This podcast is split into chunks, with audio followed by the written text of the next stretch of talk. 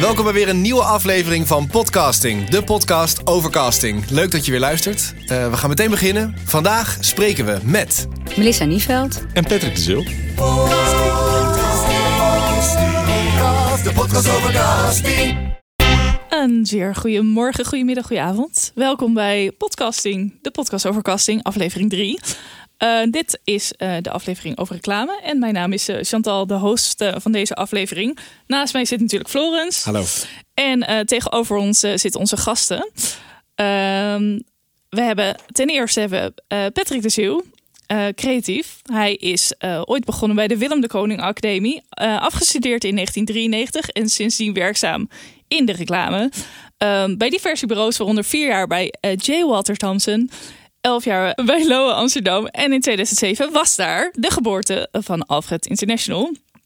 Als medeoprichter en eigenaar heeft hij gedurende de tijd daar gouden lookjes gewonnen. Voor onder andere Cafés Pietertje in 2010. En in 2016 de Jumbo kerstcommercial Helemaal Kerst met Jumbo. Naast talloze andere vakprijzen. Na bijna 14 jaar bij zijn eigen bureau heeft hij in 2020 afscheid genomen. En is nu freelance, creatief en regisseur. Welkom Patrick. Nou, dankjewel. Mooie, mooie introductie. Ja. Uh, naast jou zit Melissa, uh, producer. Uh, ze zit al heel lang in het vak, maar is al 11 jaar freelance producer voor onder andere commercials, social en online content, documentaires, films, fotografie en meer. met name als agency producer voor verschillende reclamebureaus, maar ook direct voor klanten en merken als brand producer of executive producer met haar eigen productieunit. Waar heeft ze niet voor gewerkt? kunnen we bijna stellen. Uh, dus hier komt even een hele kleine greep uit uh, de eindeloze lijst. Onder andere Booking.com, Achtung, Côte d'Azur, uh, J. Walter Thompson, Chill, Fitzroy, The Valley, Hassasa, Tsar, June. En nu is ze weer even terug bij Ogilvy Social Lab. maar ook was ze als opnameleider actief en produceert ze nog steeds haar eigen content in eigen beheer. Pot voor drie, Melissa. Welkom. Ik had wat uurtjes over, links en rechts. Ja, uh. precies. het touwtje van de straat, zullen we maar zeggen. Oké, dus we gaan uh, deze aflevering gaan we het dus hebben over, uh, over reclame. We hebben dus een, een producer aan de ene kant en een creatief aan de andere kant. Nou, laat ik er laat ik gewoon eens beginnen. Ja. Met gewoon te vragen aan jullie. Hoe zou je je werk omschrijven? Dus Liz, hoe zou jij je werk omschrijven als zijnde producer? Nou, het is dus uh, als producer ben je eigenlijk een beetje een mannetje van alles. Hè? Spin in het web. Ik, maar ik werk altijd samen met mijn creatief. Ik ben echt een team. Mm -hmm. Ik ben een creative producer. En eigenlijk uh, zet ik projecten samen met ze op. Ik uh, ga heel goed met ze zitten. Hoe zien zij dingen voor ze? En ik ben een verlengstuk eigenlijk van de creatieve daarin. Ja. En ik kijk welke partijen erbij passen om het eigenlijk nog beter te maken dan wat op papier staat. En dat gaat in de executiefase echt wel om de partijen die je aan vasthangt. En hoe smooth je het laat verlopen. En dan is er soms weer een spanningsveld naar account of naar klant toe. Maar eigenlijk ben ik er om dat hele proces lekker smooth te laten verlopen. En ook met account heel goed te kijken waar zit dan de bottleneck als we A of B willen. En hoe kunnen we dat aan de klant uh, doorverkopen of hoe brengen we dat. Het stukje strategie is daar ja. heel belangrijk in. Maar het is eigenlijk nooit tegen, het is altijd samen. En dat heb ik echt de afgelopen, nou zeker elf jaar, maar 15 jaar altijd wel gemerkt. En wat belangrijk is, de communicatie met de productiemaatschappij, dus met de regisseur. Dat de creatieve met de regisseur op één lijn liggen, dat er een goede ja. communicatie tussen is. Dat is wel echt heel belangrijk om ook uh, op te zetten. En ook al in een vroeg stadium. Ja, precies. Dus je hebt wel vaak de filter tussen die, uh, die twee partijen. Ja, en, en tussen eigenlijk alle partijen. Ja, als creatief ja, ben je degene die, uh, die zeg maar, de opdracht aanneemt zeg maar, van een klant samen met een, met een bureau natuurlijk en een, en een stratege. En dan ga je, mm -hmm. krijg je een briefing en een positionering. Je kent het allemaal wel. En vervolgens ja, verzin je daar iets bij. Een, vaak een tv-script of een, ja. of een radioscript of een hele campagne. Dat, ja, dat ligt er maar net aan wat de vraag is. Ja, en dan werk je bijna altijd samen met je uh, in-house producer. Gezamenlijk trek je op. Je mm -hmm. werkt gewoon goed samen, dus je hebt bijna nooit mot. Je hebt dat, dat bestaat bijna niet. Je hebt vaak wel mot met de producer van de regisseur, bij wijze van spreken. Of ja, degene die het aanneemt voor een bepaalde prijs. Ja. En als hij dan niet brengt wat je verwacht of zo, of, of je krijgt niet waar je op gehoopt had of zo, ja, dan, dan kan er wel strubbeling ontstaan. Ja, precies. Misschien zit dat spanningsveld meer daar. Maar dat ja. is ook wel een goede, want je hebt er wel mee te maken. Ja, natuurlijk. Je, je, je, hebt er heel veel mee te maken. Maar ja. vaak zijn het eerste producers onderling natuurlijk die met elkaar bekvechten. Hè? Ja. En dan houden de creatieven, zoals regisseurs en, en het bureau, creatieve, ja. art directors, copywriters. Dus die klikken vaak ook wel oké. Okay. Ja. Maar uiteindelijk gaat het altijd om geld. Want het kost altijd meer tijd en meer geld dan je wil. Ja, Kijk, als creatief is het meest frustrerende is namelijk is dat je bepaalde dingen niet in de hand kan hebben. Zoals het weer of zo. Weet je? Of, Ja. of, of, of ja, er, er gebeurt wel eens wat. Er gaat wel eens iemand ziek. Er wordt wel eens een auto gestolen van de set die er had moeten staan. Ik zeg maar wat. weet je, dat soort dingen gebeuren er allemaal. Ja, en, dan, en dan moet een, een, een producer dat oplossen voor je. ja, En zij zijn altijd, hè, de RTV-producers aan mijn zijde, zijn natuurlijk altijd voor mij aan het knokken. ja. Dus dat is niet Zeker, zo moeilijk. Alleen ja. de vraag is, gaat dat lukken? Weet je, ik bedoel, ja, ik, ja, dat is. En ik heb, ik heb vaak gezegd, je moet producers moet je twee soorten hebben. Je- meestal moet je een, een vrouw hebben, want die Mhm. zijn beter in het regelen van dingen. Yep. Fact. Eh, eh, fact, ja. En meestal, en meestal hebben ze ook de charmes nog mee, weet je. Ja. Dus kunnen ze die ook nog. Hè? Ik bedoel, als je in Italië draait of in Argentinië of zo. Is is echt wel lekker als je een Sophie bij je hebt die blond Ja. is en groot en Ja. lang en goed uitziet. Dan blijft die trein toch langer staan, weet Ja. je wel. Of die, die, die, die- ja, dat, dat, dat, dat werkt gewoon in dat soort landen ook zo. Of je moet een type Peter Burger hebben die gewoon iemand bijna bij zijn strot beetpakt bij spreken om het Ja. voor elkaar te krijgen. ja, dat zijn twee verschillende. Ja, eh, dat zijn, dat zijn ja. twee verschillende stromingen. Ja. Weet je? En als creatief denk je alleen maar, ja, hoe, hoe krijg ik meer tijd? Hoe krijg ik waar voor mijn geld? Weet je? Hoe krijg ik wat ik wil in mijn hoofd? Ja. Eh, wat ik op papier heb gezet, wat ik, hoe ik het voor me zie als ik mijn ogen dicht doe. Hoe krijg ik dat? En dat moeten we allemaal, ja, daar schakelen je iedereen voor in. Ja, Ja, en dan is het belangrijk dat, eh, dat de RTV-producer daar goed betrokken bij is. ze- Zelfs al aan de voorkant. Dat er genoeg marge in is opgenomen. Absoluut, ja. Want heel vaak worden, hè, dan is er door het gebrek aan, aan geld... moeten we inboeten op kwaliteit. Dus ik hoop vaak wel, en dat adviseer ik veel eh, accountmensen ook... om vroeg genoeg of een in-house of een externe producer mee te nemen in het proces.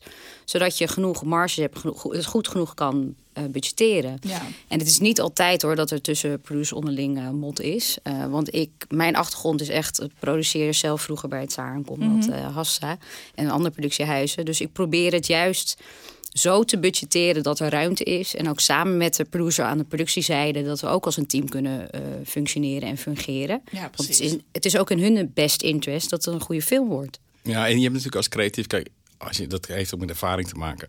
Kijk, we hadden ook vaak jonge creatieven in dienst Alfred. En die hadden dan, weet je, dan wist je dat het budget, weet ik, van 70 of 80k was voor een commercial. En die kwamen dan met een idee dat Spielberg nog niet onder de 8 ton kan maken, waar je spreken, weet je. Of boven, ja, weet je, dat is Ja. gewoon, ja, weet je, het heeft Ja. met ervaring te maken. En dan is het altijd handig, ga dan eerst even praten met een producer. Die kunnen ze je uitleggen, weet je, dat het niet zo loopt. Weet je, dat een draaidag gemiddeld 50k kost, minimaal, neem je dan niks.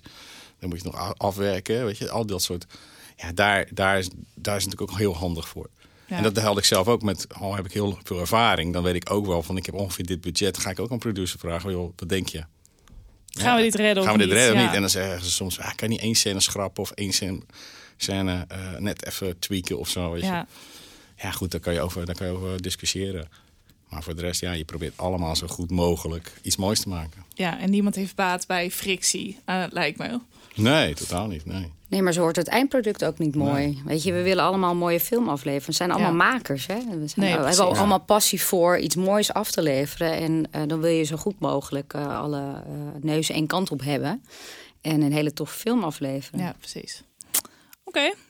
Nou, ik ga eens even beginnen met eh, het. eh, eh, we hebben natuurlijk eh, het over casting. Dus ik, deze vragen en stellingen deze keer gaan natuurlijk ook die kant op.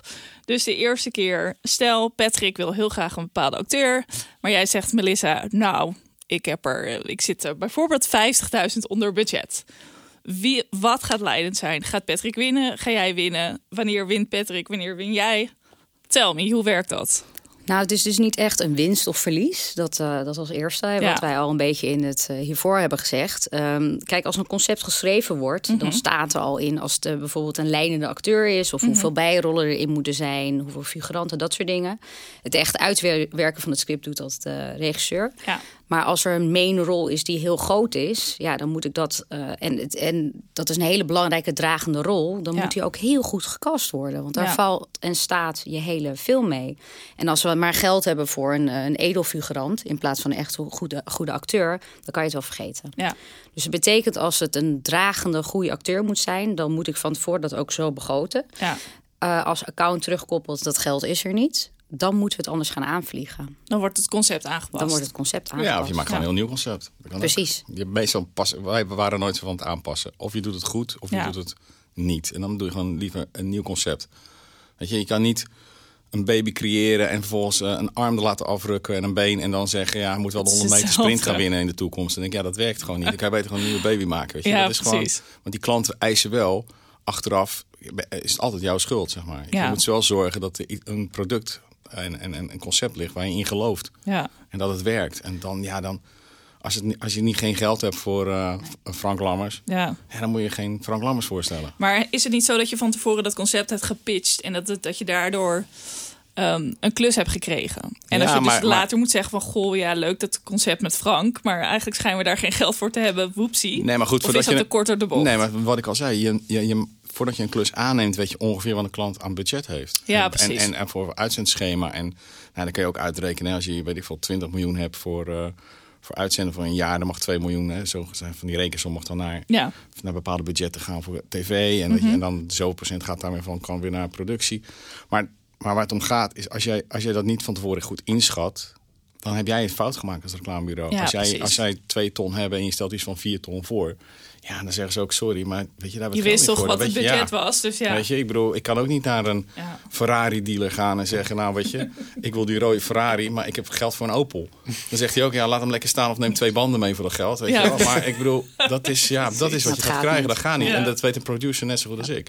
Ja. Maar het is niet altijd duidelijk hoe lang ze iets willen inzetten. Dat, eh, vaak mediebureaus zijn nog helemaal niet aangehaakt. Dat is- maakt het wel wat lastiger altijd. Eh, maar wat ook vaak gebeurt tegenwoordig... is dat ze budgetten onderling verschuiven. Dat deel van het mediabudget, als het zo'n Fra- Frank Lammers is... is dat eigenlijk mediawaarde. Ja. Dus als je een deel van het mediabudget daarvoor allokeert...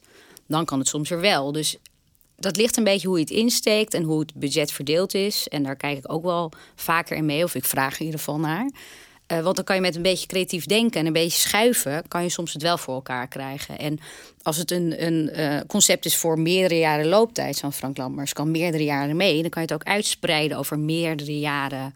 Oh, wordt wel post. per jaar elk jaar 10% automatisch duurder. duurder. Precies. Nu Dat is is wel- die, ja. Is maar, nee, maar Ja. goed, eh, dat is ook zo. Maar ja, kijk, ik, heb, kijk, ik ben in een luxe positie dat ik altijd gewerkt heb voor dat soort klanten. Ja. Je, ik heb nooit een film hoeven maken voor 20, 30, 40k of zo. Nee, precies. Weet je, dus bij ons ligt dat. En ik kom ook nog eens uit een tijd.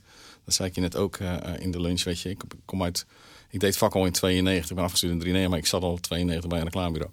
De gloriejaren. Ja, weet je, ik, ik ik mag geloven. Het waren Ja. nog guldens, maar Ja. ik, heb, ik heb commercials gemaakt voor een miljoen gulden. Ja, Weet je, ik bedoel, en, en een standaard commercial was in die tijd 150.000 gulden. Of, of hè, eh, eh, eh, weet je, en ik bedoel, Ja. dat, dat is nu bijna 30 jaar geleden. Ja, als je dat, hè, en als je twee draaidagen had, was het gewoon drie ton.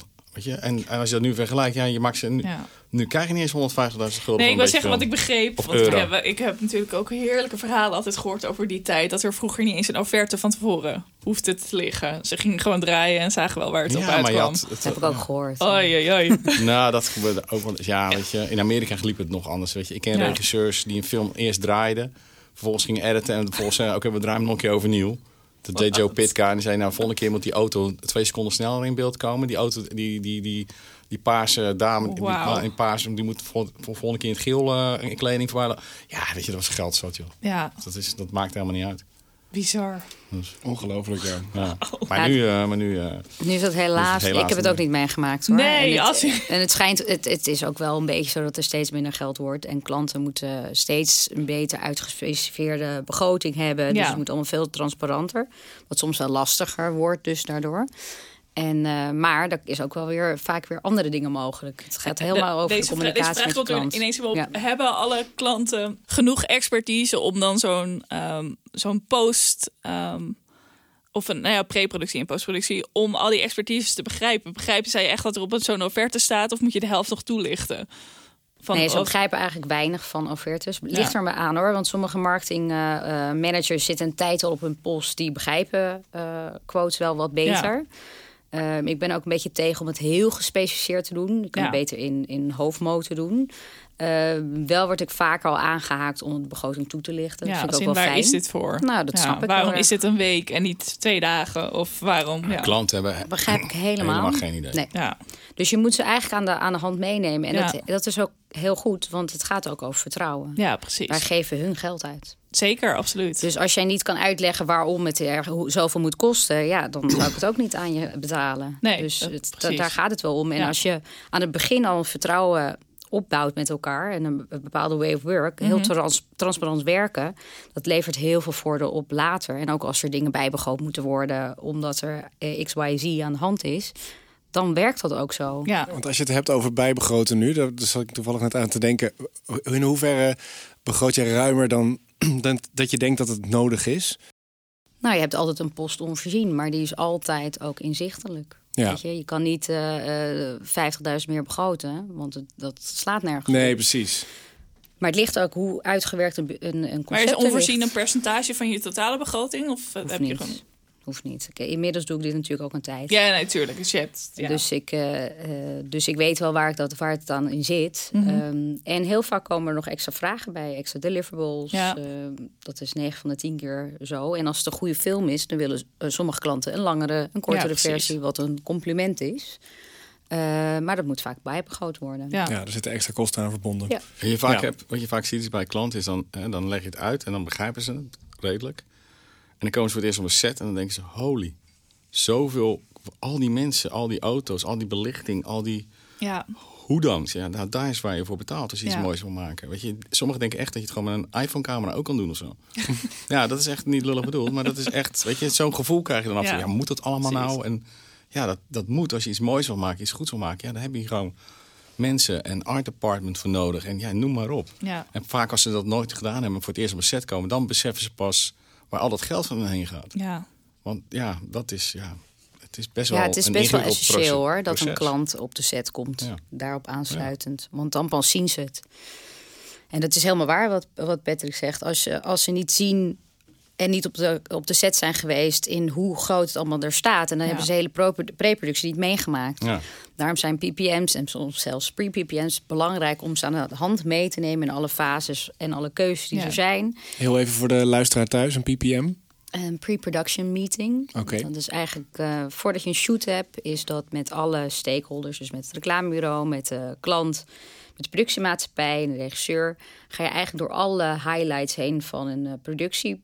Ehm, en dan gaat bijvoorbeeld de casting, is bijvoorbeeld Ja. onderdeel van de locaties, het script, het storyboard. Al die verschillende elementen die we op de draaidag zelf ehm, gaan doen en hoe we het gaan aanpakken. Ja. Eh, het is eigenlijk een grote voorbespreking voordat we een shoot hebben. Zo, dus als een klant dan op de set verschijnt, dan weet ze wat we gaan doen. Ja, en daarvoor heb je dan ook je producer op de set, die RTV-producer, Alle die zo'n klant dezelfde kant op. eh, aan en de hand alle meeneemt. knelpunten kan je nog ondervangen dan in de PPM. Ja, en Ja. soms gaat het echt mega details. Ja. Ik bedoel, kijk, het ligt aan. Maar soms gaat het gewoon over de grote lijnen, over wie is de cast. En, en, Ja. Maar soms gaat het ook gaan hè, bij een kerstfilm, bij wijze van spreken, over wat voor klus hebben de servetten op tafel, bij wijze van spreken. Wel Ja. het bestek ligt er. En dat kan echt heel ver gaan. Dat kan echt eh, uren duren. Dat zijn pittige meetings ja, dat dan. zijn ja. pittige meetings. En om het even eh, weer een beetje terug te brengen naar casting, eh, waarvoor je ook zit. Het, hele interessante dingen worden hier besproken. Maar in welk gedeelte van het proces komt over het algemeen, want dat zal natuurlijk heel verschillend zijn per productie, eh, het stukje casting kijken? En dan hebben we het over beeld, over voice-over, over eigenlijk alles. Ehm, eh, ja, het ligt aan wat is- je verzint natuurlijk. ja, precies. Kijk, als je, als je ehm, hè, laatst had ik hier voor Black Friday. Nou ja, Black Friday wilde ik echt een hele zware mannenstem. Dus dan Ja. bel ik jullie op. Ik wil een zware mannenstem extra erbij hebben bij Ja. Spreek als voice-over. Want dat vond ik passen bij het concept. Maar ja, kijk, als je gewoon eh, een film verzint met een klein jongetje dat niet kan voetballen. Mhm. Nou, dan, dan, kan je, dan kan je echt wel maanden op kasten. ja. Hè, want dan ga je eerst naar Engeland en dan ga je. eh, eh, want daar hebben ze daar gaan ze al heel vroeg naar de toneelschool. Mannetjes van 6, 7, 8. En die gaan, dan, hè, eh, die gaan dan spelen dat ze niet kunnen voetballen. Ja, precies. Maar dat werkt dus niet. Want je ziet aan alles dat ze wel de, dat ze wel de beweging hebben en, en de motoriek. Ja. Maar net acteren dat ze een bal gaan missen. Het is heel leuk dat dit terugkomt, want we hebben het hier in de vorige aflevering van dat- exact over dit gehad. Nou ja, kijk, en Heel dus- leuk. En, en toen waren op een gegeven moment waren we bijna desperate. Totdat we op het idee, lumineuze idee kwam. Ga eens maar scholen langs. Want er is altijd wel één op school die helemaal niet van sport houdt. Die liever met zijn Nintendo zit en zijn Ja. Playstation. Altijd als laatste wordt gekozen. Ja, die als laatste het Oh, koos gossie. partijtje. Die hebben we That was nodig. me, that was me. Die, die hebben we nodig, weet je wel. En, ja. En zo kom je wel aan zo'n Ja, mannetje dat geen motoriek heeft. Omdat hij ja, had echt nog nooit eerder tegen een bal getrapt. Ja, dan, Ja, ja. dan Ja, krijg je is dat. goud, ja. Anders maar als je iemand... Ja, en dat, dat is ja... Je wil wel mensen casten in je hoofd. Maar ja, je vinden is wat anders. Ja. Tenzij je weet wie je wil. Hey, als ik... nee, nee, dat is net... met zo'n van die bejaardenstoelen, eh, dan weet ik dat ik dat met Willeke Alberti heel goed kan doen. Omdat hij heel, heel goed ligt bij de bejaarden. Dus ja, Ja. dan Ja. ga je die gewoon benaderen. En als ze ja zeggen, denk ik, nou, dan heb ik een concept.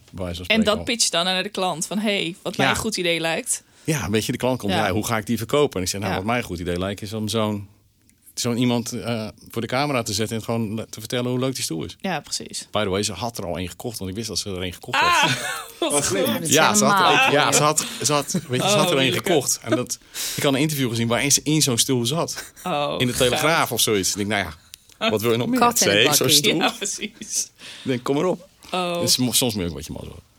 En, Maar, en ja. hoe zit dat? ehm, eh, eh, ik had net een vraag in mijn hoofd. Nou is Oh, weg. sorry.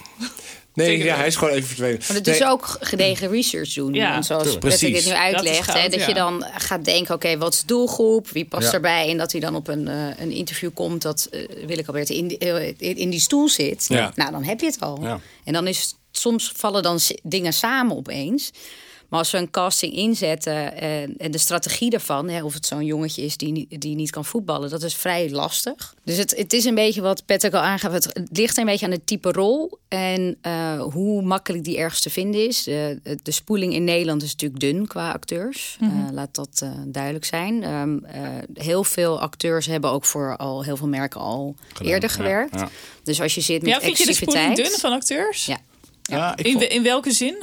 Het ligt aan het type rollen, maar de meer- middelbare mannen die, eh, ja, de mannen zijn moeilijk. die zijn echt moeilijk hoor. Ja, er zijn maar meer ik heb ook het idee dat er, want ik heb natuurlijk ook eh, voor beeld gekast, dat er ook heel vaak dezelfde pe- personen worden gekozen. Dus dan denk je, is het het kip of het ei? Als in Nou, kies ik- even iemand anders? Ik of... zie natuurlijk ook wel de castingtapes. Ja. Eh, dan, ja, dat, dan of ze hebben geen zin erin, of ze worden niet opgeroepen door de casting agents. Daar zal natuurlijk ook een, een bepaald spanningsveld Ja. zitten. Of het budget is niet toereikend. Er kan Ja. natuurlijk van alles eh, het, het, Ja, dat is schuld lastig inderdaad. zijn daarvan. Eh, maar er komen wel heel veel dezelfde koppen voorbij. Ja. En als het Niet een iedereen wil commercials doen ook. Nee, ook als Ja. ze in een speelfilm zitten, willen ze niet altijd een commercial. Het ligt aan het merk. Ja. Ze voor ander merk is er exclusiviteit voor bepaalde merken? Wil een merk dat? Mhm. Dat zijn allemaal dingen die je in overweging moet nemen. Hoeveel tijd is er? Soms eh, moeten we echt morgen casten, overmorgen moeten draaien en de volgende week op de buis. Als je langer tijd hebt, om, eh, vooral de casting is heel belangrijk. Eh, beeldcasting en ook uh, voice ook voice-overs. Is het fijn natuurlijk dat je tijd hebt om verschillende strategieën te bepalen. En Ja. kijken wat de opbrengst is. Als het een non-spoken eh, acteur is, dan gingen we heel vaak in Engeland casten. Omdat ging, wij gingen vroeger, ik, ik, goed dat je erover begint in Engeland. Ik denk tot aan 2000 kasten we bijna altijd alles in Engeland. Ja. Alles. Omdat je had in Nederland had je heel weinig goede acteurs en actrices. Zeker in bepaalde leeftijdscategorieën. Als je jong en fris wilde hebben, dat, dat had je bijna niet. En, en, ehm, en anders waren ze al gelijk bekende Ja. gezichten van tv ook, weet je. En dat wilde je dan niet. En ik weet wel, toen wij eh, voor de meisjes van Verkade verzonnen... toen was ik echt eh, eh, eh, ja, een beetje angstig voor... nou, ik hoop dat we deze mensen vinden. Nou, ik kwam bij casting bij Jeannette Snik terecht. En die had net de kunstacademie, of de, de, de toneelacademie opengetrokken. Nou, en er waren echt, ik kon, ik kon er wel tien kiezen. Dat was goed, bizar. ja. Ja, Zo het verba- goed. Het Maar verbaast was mij inderdaad ook. Dat er waren- jullie zeggen. Maar Ja. weet je, die, die Hanna Verboom was erbij, die, die weet je, eh, ehm, die eh, Braga. en- Braga van Er waren echt ja. van alles, alles kwam voorbij. En ik dacht, Ja. nou ja, dit is echt gewoon wat een talent allemaal. Maar daarvoor kreeg je dat gewoon niet voorgeschoteld door casting directors. die waren er gewoon niet. En, ik, en eh, sinds Wat- 2000 vind ik, is de toneelopleiding wel echt gewoon echt wel aangepakt en echt wel aan. eh, Maar de, of, of schijnbaar inderdaad, eh, dat is een hele goede. ehm, dat je naar de eindvoorstellingen gaat van de toneelschool, van de, Ja, dat deed ik ook. de kleinkunst. om daar gedaan. nieuwe talenten te scouten. Maar het verbaast me inderdaad, ook wat Flo ook zegt, dat daar schijnbaar dan eh, in kwaliteit nog wel iets te halen valt. Maar dat is ook voor een casting director. Als jij Ja. je eigen token hebt en we hebben veel Zeker, casting, dat moet je eh, absoluut eh, doen, ja. Dan vind ik dat dit is, is precies iets wat zij zouden moeten Wat doen. we moeten doen, want Wat het is wij ook heel saai vroeger bij, continu eh, dezelfde mensen Ja, wat we vroeger ook bij productiemaatschappijen is dat je nieuw eh, eh, regietalent Ja. de filmacademie of bij Willem de Koning of bij andere Ja. opleidingen scout. ja. Want het is ook fijn als er nieuwe makers eh, Absoluut, zijn. ja. Zeker in combinatie met eh, wat zwaardere creatief. Een jonge, frisse regisseur kan soms een hele toffe combinatie zijn. Ja. Maar dan moet je die wel vinden en wel hebben. Ja, wat ik wel heb gemerkt is, eh, eh, zelf als, als acteur, is dat je dat ehm, dat het heel erg afhankelijk is van welke opleiding je komt, of je wel of niet toe wordt gelaten tot bepaalde castingbureaus. Terwijl dat niks hoeft te zeggen over wat je kwaliteiten zijn.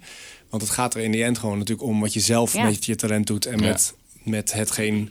Je hoeft soms niet eens een opleiding te hebben gedaan om wel een hele goede acteur te zijn, Er natuurlijk. zit hiërarchie in de opleidingen. Er zit heel veel hiërarchie in. En, en zeker de, de wat grotere bureaus, ja, die zetten jou in een, in een bakje ergens. En eh, oh ja, die kan bijvoorbeeld wel, eh, als we een musical moeten casten of iets dat. Dat is het enige. En daar kom je dan naar boven. Maar dat verbaast mij wel, want het is een hele rare, makkelijke manier van dan mensen Ja. wegzetten. En niet Ja. kijken naar kwaliteiten van iemand. Ja, er Want- is natuurlijk, er zijn, er is namelijk, daarom verbaast het me zo wat jullie net zeiden, van er is heel veel aanwas van heel veel scholen. En het Ja, is, eh, wat je merkt als je van zo'n opleiding komt, is je komt er gewoon niet tussen. Eh, je moet heel veel geluk hebben. Je moet net degene zijn die eh, eh, een, een, een dingetje heeft gedaan... waardoor mensen denken, oh, daar ken ik jou van. Oh, kom maar even langs. Eh, dat was bij mij het geval, gelukkig. Ik had een, een show kunnen doen waardoor heel veel mensen me al gezien hadden. Maar mijn klasgenoten, een, een aantal daarvan... die kwamen gewoon, die werden gewoon niet uitgenodigd. En dan wordt het heel moeilijk om vol te houden. En heb je veel eerder de neiging om te denken: ik stap eruit. Weet je wel, het, het lukt niet. Ik kom er gewoon niet tussen. En eh, daarom verbaast het mij inderdaad wel om te horen dat er dan, en dat is een andere leeftijd, dus dit gaat meer over inderdaad wat het is jongere niet, garde. het is toch niet, ik bedoel, ik verbaas me erover. Want ik, ja, dat, wij zitten natuurlijk helemaal aan de andere kant. Hè. Wij, Ja. wij- Ja. wij hebben, wij schrijven, ik schrijf gewoon een castingbriefing. Mhm. En die stuurt vervolgens mijn producer stuurt naar verschillende castingbureaus. En die zeggen, we willen dit en dit zien. Of, Ja. of we maken een deal met een castingbureau vaak. Ja. We doen niet één, maar we doen hè, niet meerdere, we doen vaak één. En soms weet ik, kijk voor hè, voor, voor bepaalde grote rollen wilde ik echt eh, een bekende acteur hebben. Bijvoorbeeld Ja. hè, voor... voor voor Cas en, eh, Cas en Jack voor C1000. Hè, Ja. Jack Wouters. En dan ga ik naar Kemna, want ik weet, daar zitten al die sterren, zeg maar, die ik wil zien. Dus dat is dat. dat Ja, technisch gezien zouden ze overal moeten zi- zitten. Dus ja, maar wel zo werkt het niet. Ze hebben allemaal een agent natuurlijk. Dus, Ja, ja, tuurlijk. Maar technisch gezien zou elk castingbureau elke acteur voor je moeten kunnen regelen. Ja. Eh, ja, maar ja, eh, Tenminste, dat, vind ja, ik. ik weet niet hoe dat werkt, dat wereldje per se. Per se maar Ja, in principe, kijk, ehm, wat wij doen met nieuwe inschrijvingen. Wij zeggen, de, dankjewel, we schrijven je in. eh, maar schrijf je vooral niet alleen bij ons in. Want wij krijgen niet alle klussen. Ja. Ehm, en ja, ze moeten zich gewoon overal kenbaar maken. En eh, het heeft alleen maar voordelen als iemand inderdaad vaker wordt geboekt. Want dan wordt hij misschien ook weer vaker bij ons geboekt. Weet je, het is heel beperkend om dat bij één eh, castingbureau te doen. Ja. Nou, maar ik denk dat, dat een bepaald niveau ook wel bij meerdere in staat geschreven. Maar bij, Ja. ja, weet je, ik bedoel, je- Rutger Hauer kon je echt niet boeken bij elk castingbureau waar ze spreken. Je, je zit wel op een bepaald niveau. Ja. Nee, klopt, en die hebben gewoon een agent Ja. en die, hebben, moet, die moet je gewoon bellen. Ja. Weet je, als ik, als ik eh, een commercial wil draaien met Chantal Jansen of met Ja. Duitse Kroes, die staan niet ingeschreven bij een castingbureau. Dan moet ik gewoon rechtstreeks met een management. eh, Ja. Precies. Nee, maar goed, in principe, als je weet dat je Chantal wil, dan hoef je natuurlijk ook geen castingbureau in te schakelen. Dan moet je inderdaad naar, naar, naar de agent. Ja. Ja. Maar je hebt altijd castingbureaus en agenten. hè. Dat is Ja, altijd absoluut, de- ja. De joy. Ja. Ja. En ook het lastig gedaan. Want, ehm, maar ik heb ook via castingbureaus eh, grotere namen eh, eh, benaderd. Ja. En soms is het echt makkelijk om rechtstreeks met hun agent te schakelen. Want het is veel duidelijker. Ja. En soms kan je meer dingen eh, onderhandelen nog. Ja. Het verschilt echt een beetje aan wie je nodig hebt. En ik denk dat het ook wel een, een verschil is toen, zeg maar 10, 15 jaar geleden of nu. Mhm. Is dat denk ik ook wel castingbureaus eh, afspraken hadden gemaakt met acteurs. Hey, wij gaan je vertegenwoordigen. Oh en ja. dat is, zal Ja. nu niet meer zo zijn, maar dat was ik denk tien jaar geleden wel hoor. Dat ze exclusief Ja. te boeken zijn via dat. Ja. Zeker. Ja. ja, dat zijn deals die kan je maken. Ik zou het niet doen. Ik kan het Nee, maar het is een beetje vergelijkbaar denk ik met regisseurs die vroeger exclusief bij een bepaald productiehuis zaten. Dat, is is natuurlijk waar. ook niet meer zo. Dat is waar. Dus dat zal daar ook in die lijn in liggen. Ja. Ja, en het, is, het heeft ook veel te maken met... ehm, eh, is het heel druk bij castingbureaus? Dan gaan ze meestal voor wat ze kennen.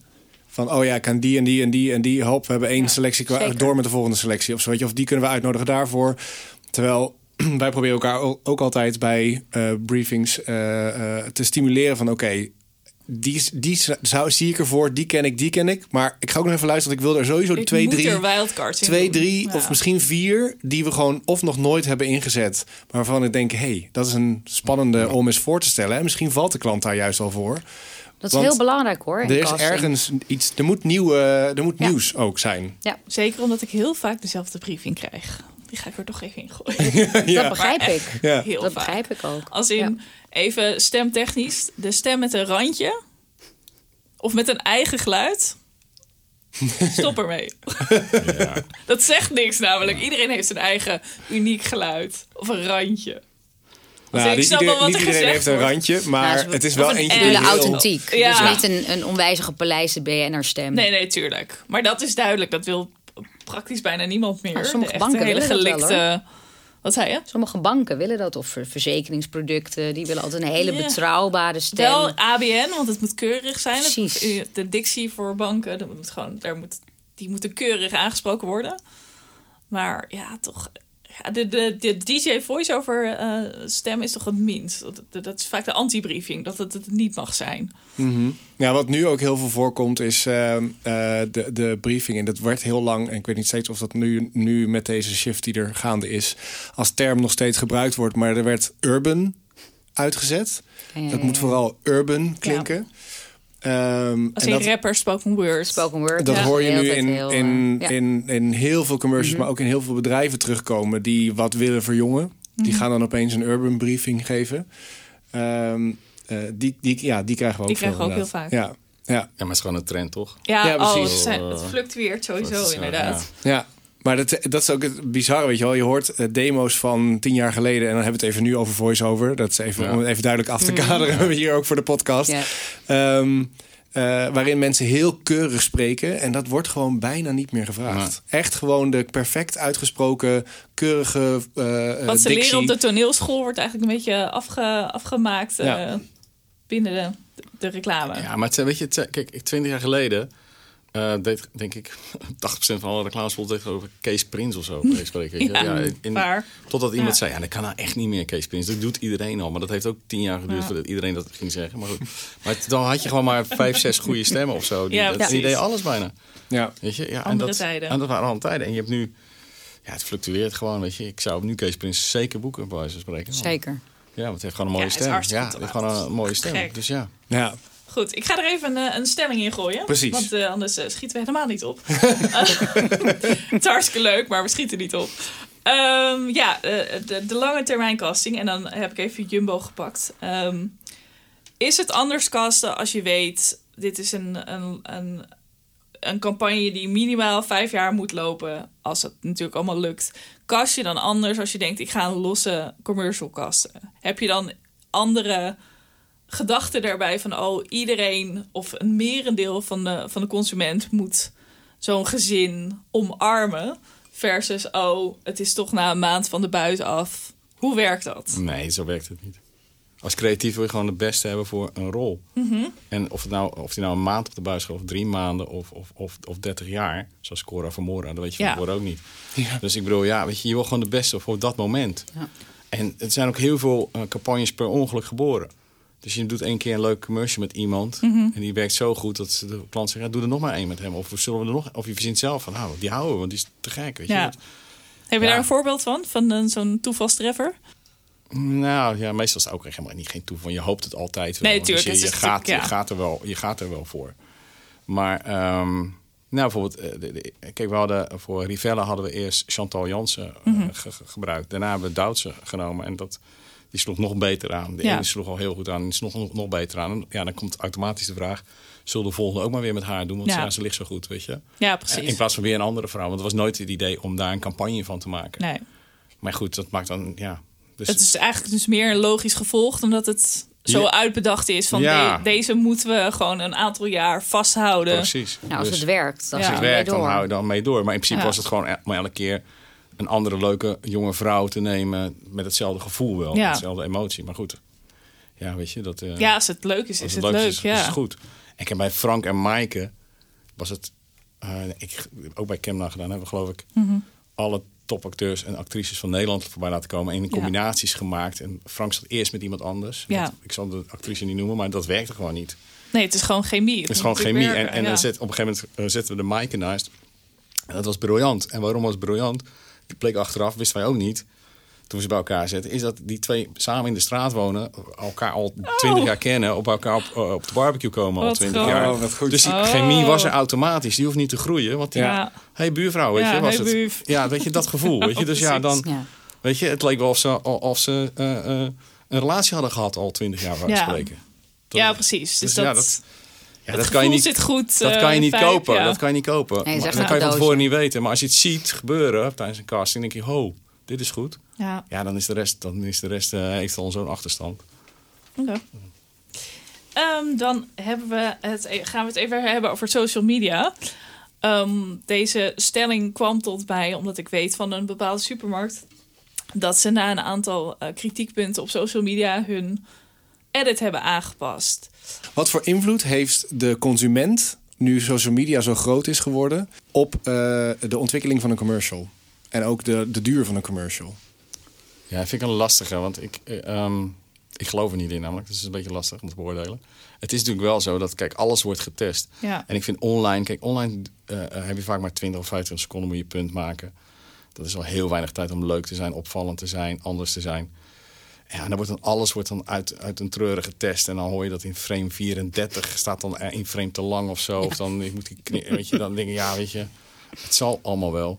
Weet je, het is al, het is al een kunst om het in 20 of 25 seconden iets Ja, leuks te maken. te vertellen. Om een verhaal überhaupt te vertellen, weet je. En dan, natuurlijk is het goed om te testen. En tuurlijk, maar het gaat vaak meestal over de ene slogan werkt beter dan de ander. Het gaat nooit vaak over, ja, die ene, als ze zeggen die actrice werkt niet, dan, dan hoef je hem ook niet meer aan te passen. Dan kan je net zo goed van de, van de buis afhalen. Maar, Maar van, da- even daarop inhakende, als, als, als, nog eh, nooit gebeurd in ieder geval. als de consument aangeeft. Eh, want het gebeurt, hè? Wij, wij maken dat ook wel eens mee. eh, eh, dat ze zeggen, nou, de- deze stem kan echt niet. Of deze, we vinden dat dit personage zo raar neergezet wordt. Of iets wordt gezien als, even op, misschien wel het allerergste nu op dit moment, als racistisch bijvoorbeeld. Ehm, wordt, dan wordt gewoon een commercial aangepast? Of, Ja, nee, tuurlijk. Maar als dat zo zou zijn, als mensen het echt... Ja, dan heb je A, al verkeerd verzonnen, denk ik. Als je, daar, als je zover moet komen. Eh, alles is natuurlijk... Iedereen heeft tegenwoordig lange tenen. Alles is... eh, Gevoelig. Gevoelig, Ja. heftig. Eh, Maar goed, soms kan, kijk, ik, heb, ik heb in het verleden beelden en, en films gemaakt die ik nu niet meer zou kunnen maken. Terwijl ik denk dat ze heel leuk zijn. Ja. En mensen er heel hard om gelachen hebben. En zelfs nog tweede of derde zijn geworden bij de Gouden Loekie bij wijze van spreken. Mhm. Of Twintig jaar geleden. Maar dat zou nu misschien niet meer kunnen. Terwijl ik denk, ja, het, het is onschuldig. Maar ja, als, Tijd is eenmaal, als eenmaal de, de, de doos open is van Pandora... Ja, dan wordt het een beetje een lastig verhaal. Ja. Ja. Maar ik kan me niet voorstellen dat mensen daar nu nog... eh, eh, als, als creatief daar geen rekening mee houden. Snap je wat ik bedoel? Ja, want dat is Dus- ook het stukje testen wat je eh, aangeeft eigenlijk al. Waar we ook eigenlijk een, een, Ja, een daar komt de vraagstelling... stelling aan. Ik denk dat ik het antwoord al weet. Nou ja, gooi hem er maar in. Ja, de stelling is dus: het testen van commercial is een killer van creativiteit. Ja, mega. Zeker. ja, Is er een manier waarop we het niet meer hoeven te testen? dat heeft eh, te maken ook met het vertrouwen van klanten. Ja. En nog terugkomen op het vorige stuk is als er heel veel eh, positieve, negatieve geluiden vanuit Mhm. de consument is op een bepaalde commercial en dat bereikt een klant. Het is uiteindelijk aan een klant of ze daar iets mee willen doen. Mhm. Ja. Dus, eh, dat gaat in overleg natuurlijk met het bureau. Maar als zij zich dusdanig voelen benadeeld. Mhm. Eh, en soms is het ook wel helemaal niet van toepassing. En dan is het. eh, eh, kijk, dat is ook allemaal publiciteit. Zo kan je het ook zien. Ja, Dus het ligt heel erg aan wat dan die kritiek is. We hebben niet voor niks ook een lode leeuw. Hè? Eh, daar gaan we het zo ook nog even ja, over maar hebben. dat, dat is ook een, Ja. dat gebeurt natuurlijk ook. En Ja. dingen worden verzonnen en het is niet altijd inschatten of iedereen dat leuk of niet leuk vindt. Daarin hebben we gewoon meningen en door social media zijn die meningen veel makkelijker te Bereiken de ja, klant direct. En je kan op ja. Twitter alles zeggen wat je, wat je wil, hè, Ja. tussen aanhalingstekens. Wat soms ook wel heel erg ver gaat. Maar het ligt ook aan claims van bepaalde campagnes soms. Ik weet nog wel van de eh, Rabobank dat zij het wereldvoedselprobleem gingen ja, oplossen. die was, eh, ja, Om dat heel wel even aan te halen. Is het al Ja, opgelost? Hebben ze het gedaan? Ja, Ja, is ik het heb net gelukt? nog even gebeld, maar het is nog Kunnen niet... ze, kunnen ze hier naar corona doen misschien? dat zou een goed idee zijn, ja. ja. ik Nou, was Ja. betrokken bij die campagne maar als, als uitvoerend eh, aan de productiekant. Ehm, dus ik vloog naar een paar landen. Dus niet betrokken bij het hele conceptstuk. nee. En ik hoorde pas later, heb ik pas de edit gezien en de voice-over die eronder lag. Nou, toen schrok ik zelf al een klein beetje. Ik dacht, wauw, dat is wel een statement die je Ja. uitgooit. En daar is toen heel veel kritiek op gekomen. Maar wa- was deze getest of niet? Dat weet ik niet, omdat ik in, dit, in dit stuk niet aan, de, als RTV'er Ja. eh, betrokken Ik- was. Kijk, de beste anekdote Over testen is heel simpel. Ik zat namelijk een kamer daarnaast bij Lintas ooit toen Rolo Olifantje werd verzonnen. Ja. Die is vier keer afgetest. Oh, ja, oké. Vier keer. En het bureau, de creatieve en de regisseur geloofden in het idee. En toen is er een deal gemaakt om die Mhm. film met die bioscoop samen te draaien. Dus het bureau heeft er geld in geïnvesteerd. Tsaar heeft er geld in Ja. volgens mij was het Tsaar. Ja, dat. Geld toen in geïnvesteerd. En de rest is history. Ja. Het is de meest bekroonde commercial aller tijden. Want wat In was, Nederland. wat was de kritiek? Ja, in uit de test, of zoals ik begrepen heb, want ik was niet te creatief, maar ik, was, ik liep wel rond. Maar ehm, eh, volgens mij was de, was de kritiek was uit de test bleek dat mensen wisten niet dat een olifant een geheugen heeft als, eh, als een olifant. Dat Ja. gezegde kende ze- men niet. Dat zinnetje viel men Oh, over. wauw. Weet je, of zoiets was het Ja. of zo. Of vonden het. Nou goed, het waren allemaal een paar redenen, maar dan, ja, dan, dan, dan valt iets af. Ja. Weet je, en kijk, dat is net wel net over social media en internet. De kunst van reclame is natuurlijk om iets te verkopen waar de mensen nog niet van weten dat ze het nodig hebben. Nee, precies. Want die weten het niet. Een weet je. behoefte creëren. Je moet een Ja. behoefte Ja. creëren. En dat geldt ook vaak voor test. Weet je, dan ga je dingen testen en dan blijkt, ja, de mensen begrijpen. Dit is moeilijk natuurlijk. Je hebt plaatjes of een moving storyboard. Ja, het is zo anders dan Wie, een wie, echte wie film. bepaalt wie er in die testpanels zitten? Wie? Ja, dat doen testbureaus. Testbureaus, ja. En die worden dan aangewezen bij een doelgroep. We zoeken doelgroep A, P, C, D+, whatever. Ja. En, die, en die, die, worden dan, die komen dan. En, Ja. en dan nog hebben ze heel veel moeite om mensen te vinden die dat gaan doen. Want wel, Oh. wie gaat er voor 25 euro zitten tegenwoordig? Ja, precies. En Weet je, het zijn altijd dezelfde mensen. en een enquête invullen. Jullie hebben het net over dezelfde mensen qua acteren. Nou, Ja. dat, maar dat kom je ook dezelfde Ja. mensen bij tests eh, Helaas tegen. wel, ja. Ja. en het is niet vaak representatief nu voor vaak jongere doelgroep, want die komen helemaal Die niet in die testpanels. Nee, precies. Dus de testen Dus en de nuttig is dat manier. testen dan nog? Nou, ik, ik vind het eh, waar weggooit geld. ja. En als een, namelijk als een concept goed is en eh, hè, bewijzen van de klant staat op de banken, want ze vinden het fantastisch, Ja. dan moet je daarmee gaan, vind ik. En natuurlijk kan je het nog eh, bij meerdere lagen of in het bedrijf, dat je het als het voor een andere doelgroep is. Als, het, als jij zelf niet de doelgroep be- bent, maar de jongeren, Ja. dan is een doelgroep onderzoek wellicht interessant. Maar de manier van testen is daar wel heel erg belangrijk. En als er alleen nog maar een concept op papier staat en het zijn wat plaatjes, een moving storyboard Ja. met een voice-over tijdelijk eronder, is niet representatief hoe een film eruit ziet als we er helemaal klaar mee zijn. Nee, precies. En dan worden dingen wel eens afgetest, maar dan zijn wij er natuurlijk niet zo gelukkig op, omdat de manier van testen, ze willen niet altijd eh, veel geld erin steken. het is een beetje setting up for failure. Ja, we soms wel. Ja. Eh, en soms is dat, wordt het twee keer getest, dan wordt dat getest, dan wordt de offline nog een keer getest. Oh. Nou, dan ben je natuurlijk op een gegeven moment helemaal klaar, omdat zo vaak je dan het concept moet aanpassen. en dan, blijft wordt er een soort veilig gemiddelde Ja. grijze brei over. Wij Ja, hebben, dat is wij verschrikkelijk. keer- Er was iets afgetest en hebben dezelfde plaatjes, hetzelfde storyboard, alles hetzelfde gehouden. We hebben alleen gezorgd dat in elk storyboard plaatje de personage met een smile te zien was. Altijd zo. En zo, Ja. zo. Dus we hebben alle hoofdjes vervangen met mensen die allemaal alleen maar dit deden. ja. Test als ineens als een dolle. Hetzelfde verhaal. Nou ja, Ja, het is gewoon... bizar. Maar dat is een goed voorbeeld, dat, dat daarom die tests eigenlijk nergens op slaan. Dus Ja. dan is het dus heel erg aan het reclamebureau en wie er zit, account of stra- strategie, die eigenlijk dat zouden moeten proberen te ontkrachten. Mhm. Maar zeker grote bedrijven hebben stakeholders en board of directors. En het moet allemaal doorgepresenteerd worden. En het is ook voor hun altijd een soort safety wat zij proberen in te bouwen. Maar creativiteit is eigenlijk niet zo goed te testen. Nee. Als het goed is, is het goed. En dan moet je ermee gaan. En dan moet je, vind ik, ook vertrouwen als klant hebben in je bureau. Want je bureau adviseert jou. En heel vaak dat stukje advies wordt niet helemaal meer eh, daar te harte genomen. Want de klant gaat een beetje op de stoel zitten van creatieven. Nou, wat Ja. wij vaak deden is ook tegen klanten zeggen... Joh, test niet vooraf, test lekker achteraf. Mhm. Dus we hebben, dan hebben we hem optimaal forma gemaakt en dan mag je hem testen. Ja. Maar wat gebeurt er als er op, in die fase nog eh, zoveel commentaar komt, bijvoorbeeld op een acteur? Moet er dan opnieuw gedraaid worden? Nee, die komt bijna nooit. Nee. Die, komt, die bestaat, dat bestaat bijna niet. Dan zijn, is iedereen door het proces geweest en hebben ze allemaal...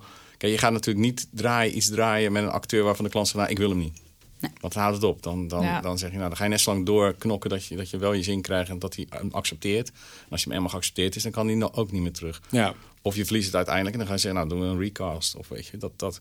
Maar dat komt zelden voor. Meestal, ja, meestal overtuig je ze wel. Weet je, dat is niet zo moeilijk. En, en je hebt een leuke casting tapes vaak en dan zie je hoe, hoe mensen acteren. En zie je, nou, kijk, zie je, hij Ja. kan het. Ja. Jij moet erom lachen, jij moet erom lachen. Ik heb je zien lachen, dus je kan hem niet meer afkeuren. Nee, Dus ja, dat, dat, dat werkt wel. le- leuk dat je even begint over castingtapes. Maar wat ehm, als jullie een castingselectie krijgen, zowel voor beeld Ja. als eh, zeg maar stemmenkast. Laten we even met beeld beginnen. Wat zijn nou de go's en de no-go's? Of de dingen die, die jullie te vaak zien of te weinig zien? Of dat je denkt, je- moeten we nou weer deze scène doen? Of we- nou, Nee, maar weet je wat je... Het is echt... Het is, het is heel lullig. Mhm. Maar het werkt bijna fast forward. ja, Hoe bedoel je? Nou, gewoon, je ziet, je ziet in 10 seconden of iemand het is of niet. ja, Oh, 10 zo. seconden. Je Ja. hoort in 10 seconden of iemand het is of niet. dat heb ik ook. En appas.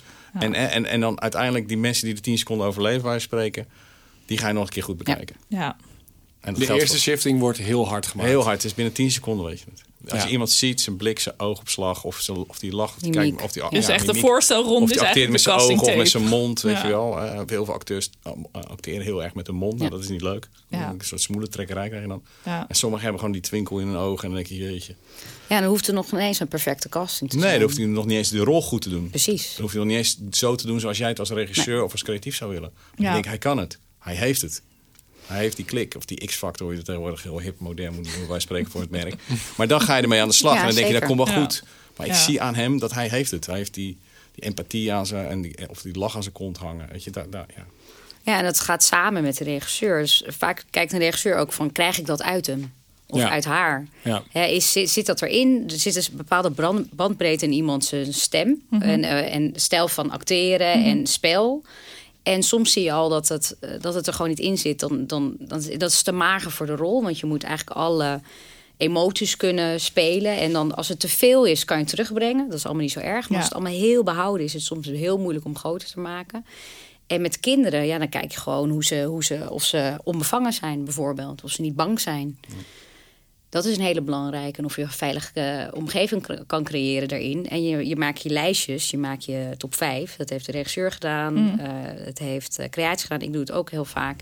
En dan gaat, wordt het een heel leuk soort uh, uitruil uh, vraaggesprek. Waarom... Ja. Wie wat wil. Ja. Wegstrepen. En dan gaan we Vaak heel vaak recasten ja, ook Vaak nog. heb je ook wel dezelfde. Ziet Ja. al, of heb je, zitten, heb je allemaal top drie en er zit er heus wel één die overlapt. ja. Ja, en soms doe je een recall. Dan ga je kijken, hey, we hebben de top drie. Of we kunnen niet kiezen. Of deze zijn zo close. Dan ga je Ja. ze Laten we nog recallen. even een scène, andere scène doen. Ja, of je, ja, precies. Of je gaat toch nog een, een andere eh, Combinaties maken. combinatie. En soms ligt ook een beetje aan de eh, casting agent of die een goede casting heeft afgenomen. Mhm. Soms zie je dat het ook niet helemaal lekker is gegaan of wat ze moeten spelen. Want soms kon- kunnen ze de rol niet spelen, maar moeten ze iets anders spelen. Dan kan je dat in een recall eh, goed precies vragen zien. of Ja. ze dat kunnen doen. Ja, het is ook een beetje lastig. Ik heb nog twee leuke anekdotes. Dat is namelijk die laatste die ik gedaan heb met Willeke Alberti. Die trouwens heel natuurlijk kan acteren. Had ik een tegenspeelster nodig.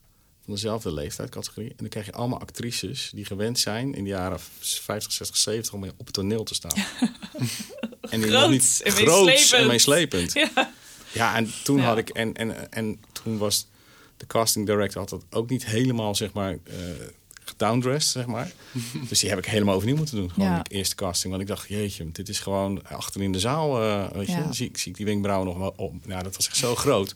Ja, en dan ga je gewoon zeggen, joh, weet je, ik doe de, de, dat doe ik meestal sowieso ook als creatief, maar ook als regisseur. Is je maakt een selectie en die laat je gewoon meestal op een recall gewoon terugkomen. En dan ga je Ja. er zelf bij zitten. Dan ga je gewoon zelf kijken hoe ze het doen. Want tv betekent ook altijd video. Het is altijd video. Mensen hebben altijd hele lelijke tanden op castings. Ja. Dat- Die hebben ze niet, maar dat is Nee, dan- nee, het is gewoon zijn de die video effect. Ja.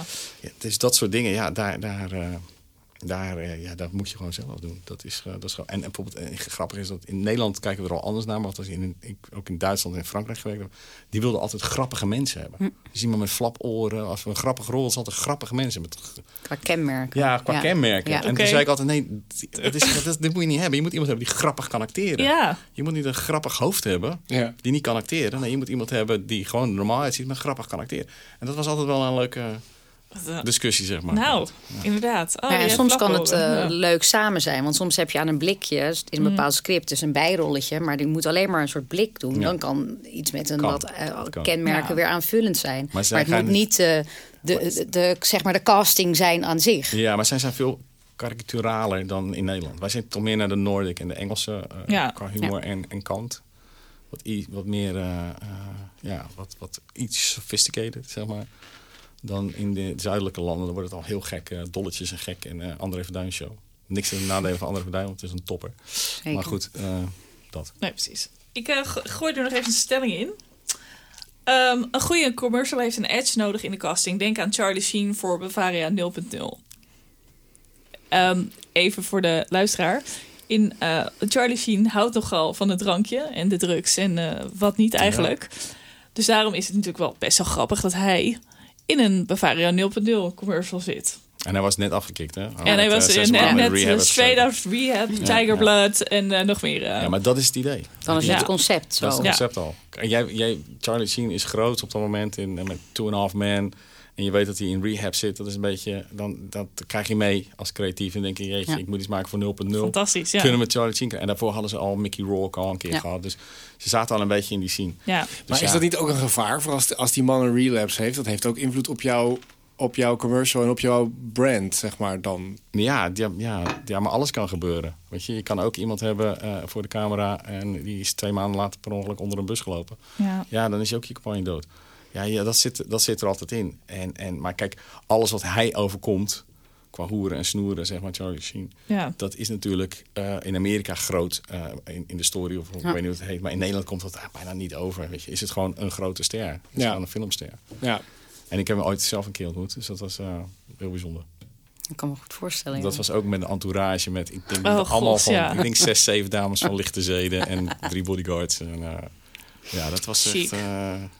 Nou ja, dan, dan heb ik de, tegen, de, de tegenoverstelling. En Ja, dat maar is om dan nog even aan te sluiten. Oh, hoor, ja. Voordat eh, eh, we doorgaan naar de volgende stelling. Ja.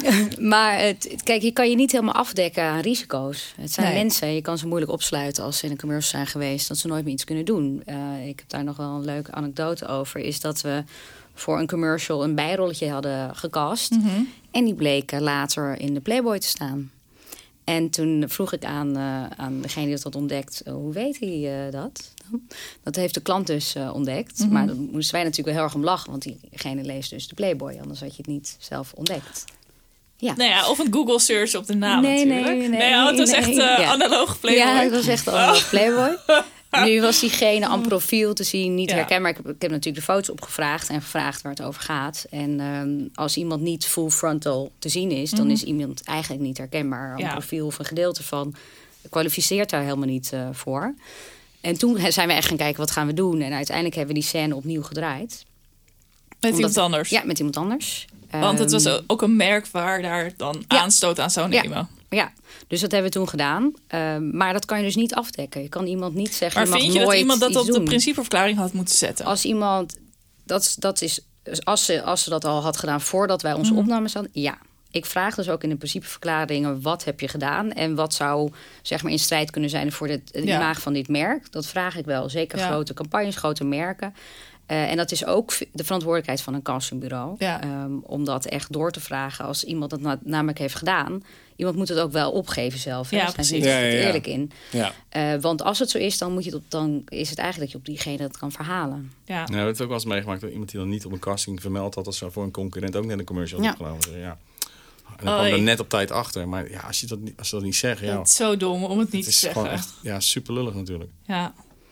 Ja, en het soms, kijk, als het een klein dingetje heb, ik heb het onlangs ook nog gehad. Toen, toen, toen was het een echt een klein rolletje voor iemand. En die stond in een, eh, in een concurrent merk. Alleen voor fotografie was diegene Ja. ook er. Nou, dat was ook kortlopende campagnes. Dat viel allemaal wel mee. Maar het is wel slordig.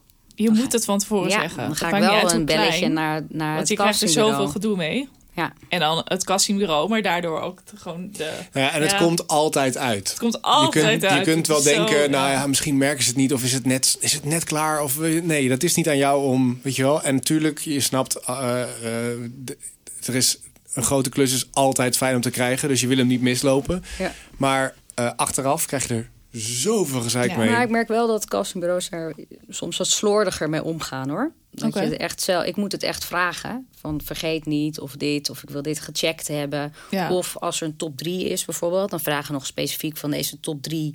Kan je nog even dubbel checken dat deze niet in concurrerende merken zijn Precies, geweest ja. of andere dingen. Daar moet ik echt actief altijd achteraan gaan. Ja. Want ik, ik luister, ik kijk de tapes ook op spel, maar ik kijk ook wat ze zeggen. Hè, wat ze niet in een principeverklaring bijvoorbeeld hebben geschreven, maar hun ervaring, dat, dat luister ik allemaal wel voor de zekerheid. Zeker de top 5 of top 3. Ja. Ja, vaak Ja. wordt het ook nog gevraagd, toch? Ben je niet te horen, te zien in Precies. concurrent? En dan zegt ze nee. En dan blijkt dan later, ja, don't do it. Ja. Tip, tip, tip van de dag. Ja. Ja. Eh, ja, dus de concurrerende, eh, even terug over Charlie Sheen. Er bestaat, eh, of niet over Charlie Sheen, over een andere commercial. Ben ik benieuwd wat jullie ervan vinden. Er bestaat natuurlijk al heel lang de Nespresso commercial met eh, meneer Clooney. Eh, what, eh, who else? What else? What else? What else? Who else? Who else? Dan Clooney? Nou, who else? Een, Eh, Brad Pitt. Een, een, an- een, een ander concurrerend koffiemerk dacht... eh, weet je wat, George Clooney, wij hebben Brad Pitt. Maar eh, in die edit, met alle respect, prachtige beelden... maar er gebeurt werkelijk niks. Why? Waarom? Waarom zou je? Wat, wat heeft wie- het een meerwaarde, Wie, Brad Pitt? Wie, wie, wie, oh why? Ik bedoel, is het why Brad Pitt? Zou je dit doen zelf? nee, meer why- als je dan Brad Pitt hebt, Ja, ik denk laat Brad hem Pitt- dan ook iets doen. Nee, maar behalve dat. Maar ik denk als je Brad Pitt, Brad Pitt bent en je ziet dat script, denk je toch ook, hey, dit heeft George al gedaan, dat is mijn vriend. Ja, precies. Ik bedoel, waarom zou ik het nog doen, denk je dan goed? Heb je dan zoveel geld nodig? Maar goed, dat is weer een ander verhaal. Maar ja, ik, ja, ik denk gewoon een copycat en dat het werkte. Dus ja, en why not? Denk ik. Dus hebben zij gedacht, ja, ik zou het zelf niet willen maken en Nee, het gedaan want- willen hebben. Ik vind het ook zo Ja, weinig beetje creatief. dat je denkt, oh, we hebben ja. schijnbaar geld voor, Ja. voor Ja. Brad Pitt. Nou zijn ze in Italië niet heel erg bekend om hun creativiteit qua commercials, maar, maar dat, ja. ik- Nee, dat is ja, waar. Dat is, Ja. ja. dus, Ja.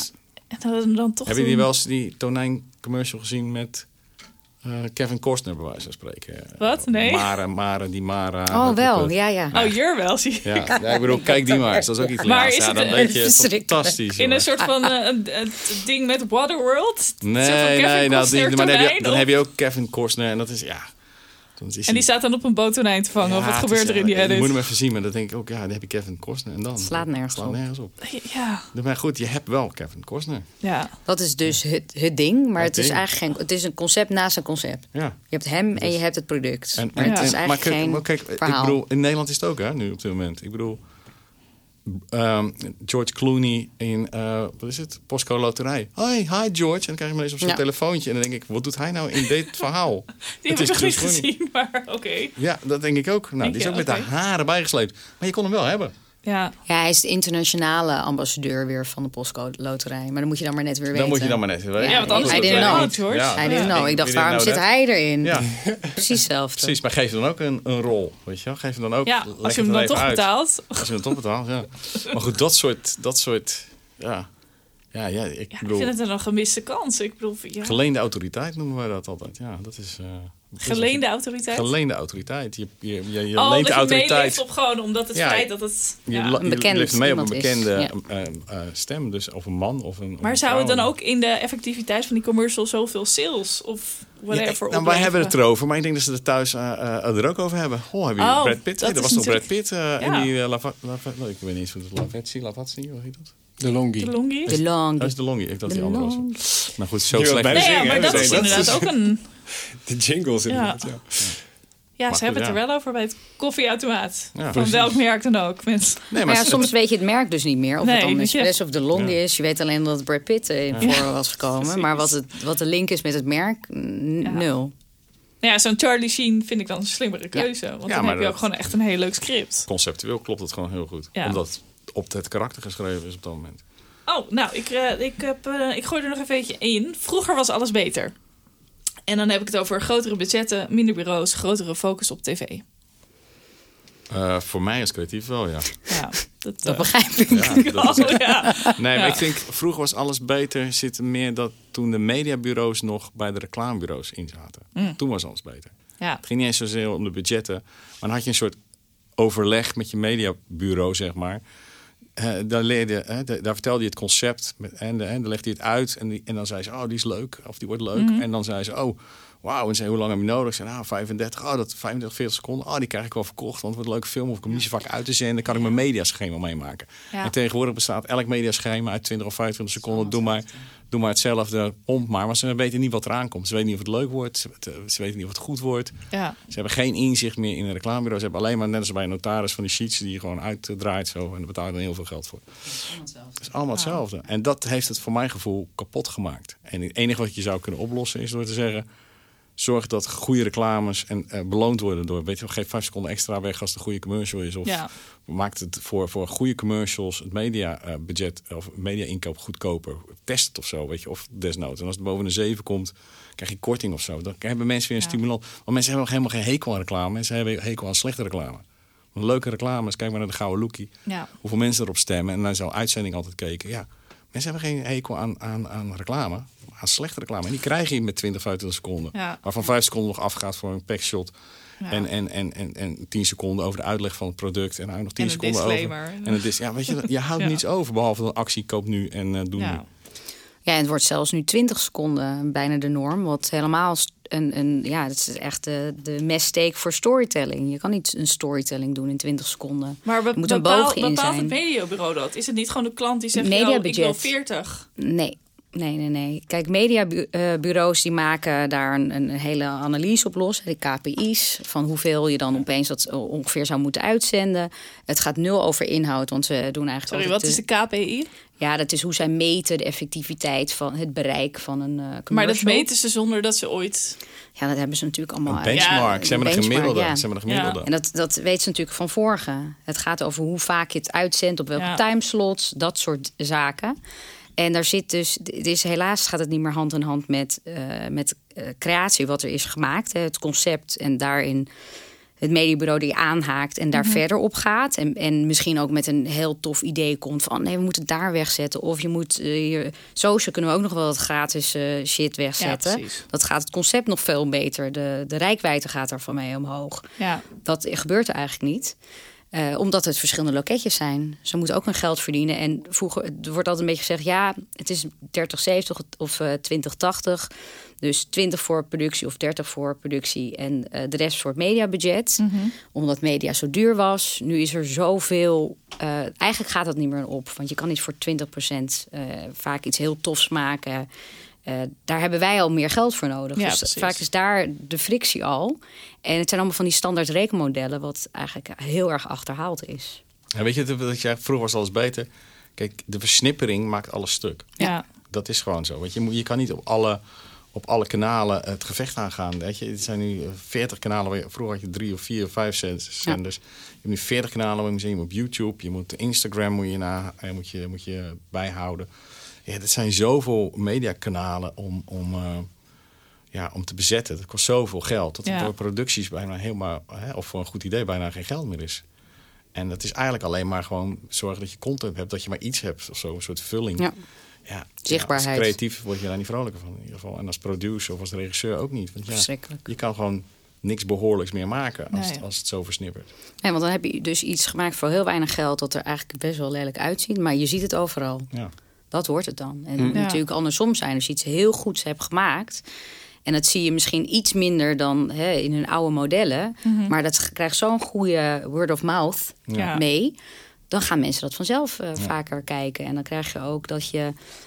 wat je vaak nodig hebt, minimaal een 25 of een 30... ehm, dat je dat nodig hebt om een goede, goede script te maken... dan krijg je dat ook. En nu wordt gezegd, ja, je hebt de drop-off rate... eh, het snackable content, we moeten 15 secondes maken... want anders kijkt niemand het meer. Als het een goed idee is, kijken mensen het. Het is echt onzin. Dus eigenlijk wordt het gewoon overgeanalyseerd. Nou ja, het wordt Of gewoon, het het wordt, wordt gewoon ja. voor de zekerheid, zeg maar, zo, zo ingekort dat je het maar lekker dan veel kan doen. Zodat Ja. het zo, dat je in ieder geval, je, dus dan kunnen zij zeggen, kijk eens naar de cijfers, mensen hebben het gezien. En daar ben ik voor als inkoper verantwoordelijk voor. Ja. Maar niet wat maar ze niet gezien hebben. effectiviteit. Maar niet wat ze gezien hebben. Of Ja. dat ze het leuk vonden of goed vonden. Of dat het iets gedaan heeft emotioneel. Ja. Want als, je, als, je, als mensen er, er blij van worden of iets emotioneels in ieder geval iets te werk stelt. Dan blijft het honderd keer beter bij dan dat je, gewoon, dat je het gewoon weer voor de tiende keer ziet en denkt, denk, ja, het is tien keer niks. Ja, Weet je, ik bedoel, ja. En dat wordt niet getest. Het wordt alleen maar ge- gezien. Ja, het wordt gezien, ja. het is gezien. Ja, maar, ja, met sommige commercials wordt ook zo plat gegooid dat de irritatie juist ja, omhoog hoog ligt. gaat. Ja, hoog ligt. Want Ja, ja, oh, daar is hij weer. ja. Ja, maar dat is dus ook niet zo slim. Dan moet Ja. je het ook in andere tijdslots gooien. Of eh, weet je, en, en wat ook raar is, dat ze bepaalde lengtes al van tevoren hebben bedacht zonder dat het concept er ligt. Dus als ze zeggen, ja, eh, er is ruimte voor een 25 en een 10 en een, en een 5. Ja. Eh, Als ze niet weten wat voor idee er ligt, je kan soms helemaal geen 10 of een 15 maken. Cut Ik down vind het, van een ik vind het zo gek eh, dat, dat, dat zij dat bepalen. Ja. Nou, het is, dit gaat natuurlijk een beetje hand in hand. Ehm, zij geven een advies voor Ja. welke lengte ze kunnen eh, wegzetten voor het budget wat een klant heeft. Mhm. Basically. Ja. Ehm, en soms wordt er dus gezegd, dus gezegd, we hebben deze deliverables nodig, want daar moet er op begoten worden. Als ik niet weet. Maar is dat niet maken. vaak de gedachte, hoe meer deliverables, hoe beter? Sommige klanten zullen dat wellicht hebben. Ja. En het heeft te maken dus ook dat, eh, dat ze dan niet goed voorgelicht worden door mediabureaus, helaas. Ja. Het gaat alleen maar om GRP's. En Ja. die zijn duurder dan ooit op dit moment. Er komen heel veel termen nu langs op dit moment die de luisteraar grotendeels niet gaat begrijpen, ben ik bang. GAP's, deliverables, G, sorry nog? GRP's. GRP's. Ja, dat is de hoeveelheid eh, één persoon, zeg maar, eh, eh, de commercial voorbij ziet komen. Zeg Ja. maar. Dus als, je, als je hem zeg maar, Oh. zo vaak uitzendt, zeg maar, dan ziet een gemiddelde Nederlander hem 1,2 punt keer of 2,4 punt keer. Dus dat daar. Hoeveel wil je bereiken? Als je zegt, nou, ik wil dat elke Nederlander hem drie keer gezien hebt, dan moet je hem dus zo vaak wegzetten. Zo vaak eh, eh, eh, uitzenden op zoveel kanalen. Dan gaat elke Nederlander gaat hem. Nou, dat zijn de GRP's. Moet je, dan moet je duizend GRP inkopen. Wij spreken als mensen Ja. hem twee, ik weet het getal niet, twee of drie keer willen zien. Ja. In heel Nederland. Weet je, als je bereik wil opbouwen. Zo. Ja. En daar gaat, het, daar gaat het dan om. Maar wat je dan, weet je, waar je mee opbouwt, ja, Ja. Dat, dat, dat zien zij niet. Weet je, ik, ik- Dat ze- lijkt me leading, dus ik vind het... Ja, ja, maar dat, dat zien zij van tevoren niet. Nee. dus die Nee, plannen worden allemaal van tevoren gemaakt voordat het creatief concept uh, uh, is ingestart bij Ja. spreken. Ja. Is dat al bepaald? Want geld is natuurlijk leading en Ja. ze willen een bepaalde doelgroep bereiken. Nou, en er zijn er zoveel van in Nederland. Als je, dan, als je er zoveel van wil bereiken, moet Ja. je zoveel geld inzetten. Nou, dan is Ja. dat, dat budget is dan al weg. En dan zeggen ze, nou, dan hou je 20 seconden over. Zo, weet je wel. Ja. Succes. Ja, dus dan worden de rekenmodellen worden lijnend in plaats van het concept dat er ligt. ja. Dat is op Er zich zijn natuurlijk mediabureaus raar. die, die wel eh, hun best Mhm. doen, maar dat is- het is vaak wel heel erg standaard. Ja. We moeten langzaamaan richting het einde van de podcast, want we zitten al ver over het uur. Oh god, ver over het uur. Ver over het uur. Maar goed, dus vind je Zeker. trouwens ook toch met radio eh, toch ook precies hetzelfde. Ja. Je? radiocommercials zijn toch ook veel korter geworden Ja. dan Ja. vroeger. Zeker. ook steeds korter. Ik bedoel, Ja. ja. En alles moet sneller, want de tekst moet nog wel hetzelfde blijven als Ja, ja, ja, ja, ja. dat is precies hetzelfde. Weet je? Dan schrijf ik een tekst van 25 seconden. Dan zeg ik dan, maar ik wil dit en dit en dit en Ja. dit er nog in. Ja, dan wordt die 30. Nee, je moet er ook in. Ik zeg, maar dat kan toch niet? Je kan toch niet meer tekst kwijt in minder Ja. seconden? Dus dat gaat niet? Dus of je maakt, of je zegt niks extra's. Of je schrapt wat. Of je koopt meer zendtijd in. Kies maar. Ja. Ja, ze willen vaak heel veel verschillende boodschappen verpakt hebben Ja. in, in de secondes die er liggen. En dat hebben we ook in, eh, in de tv-commercials ook zo.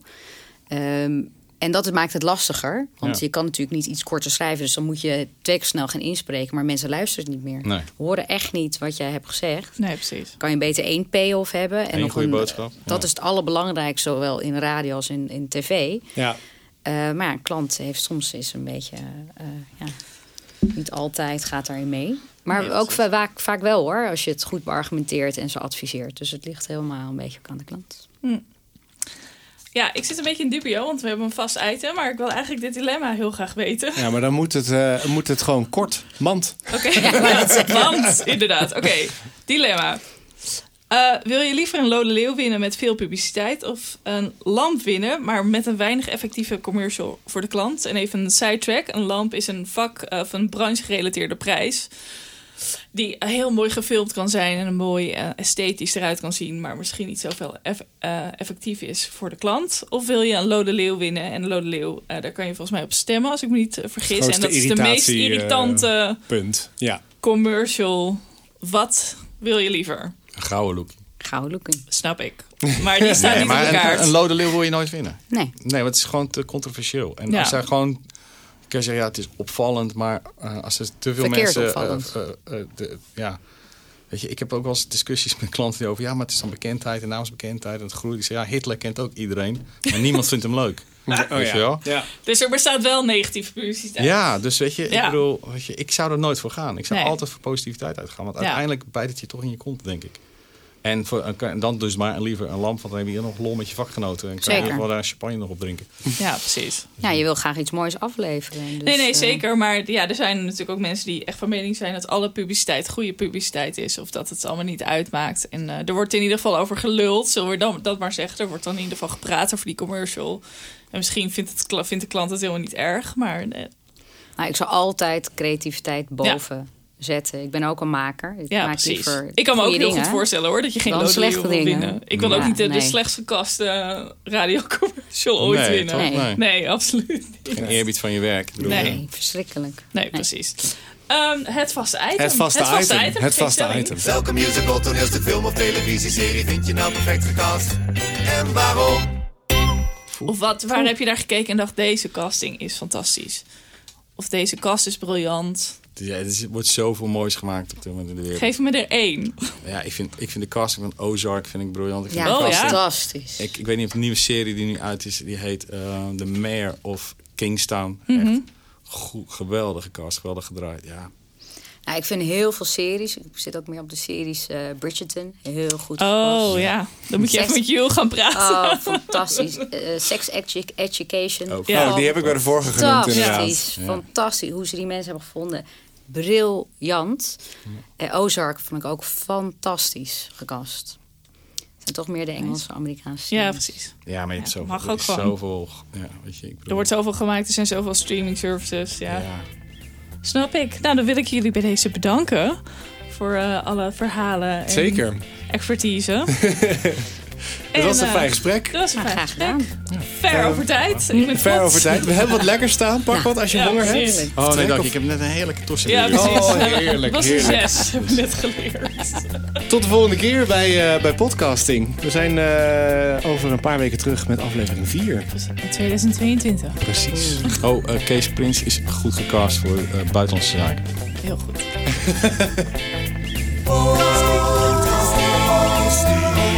De podcast over casting.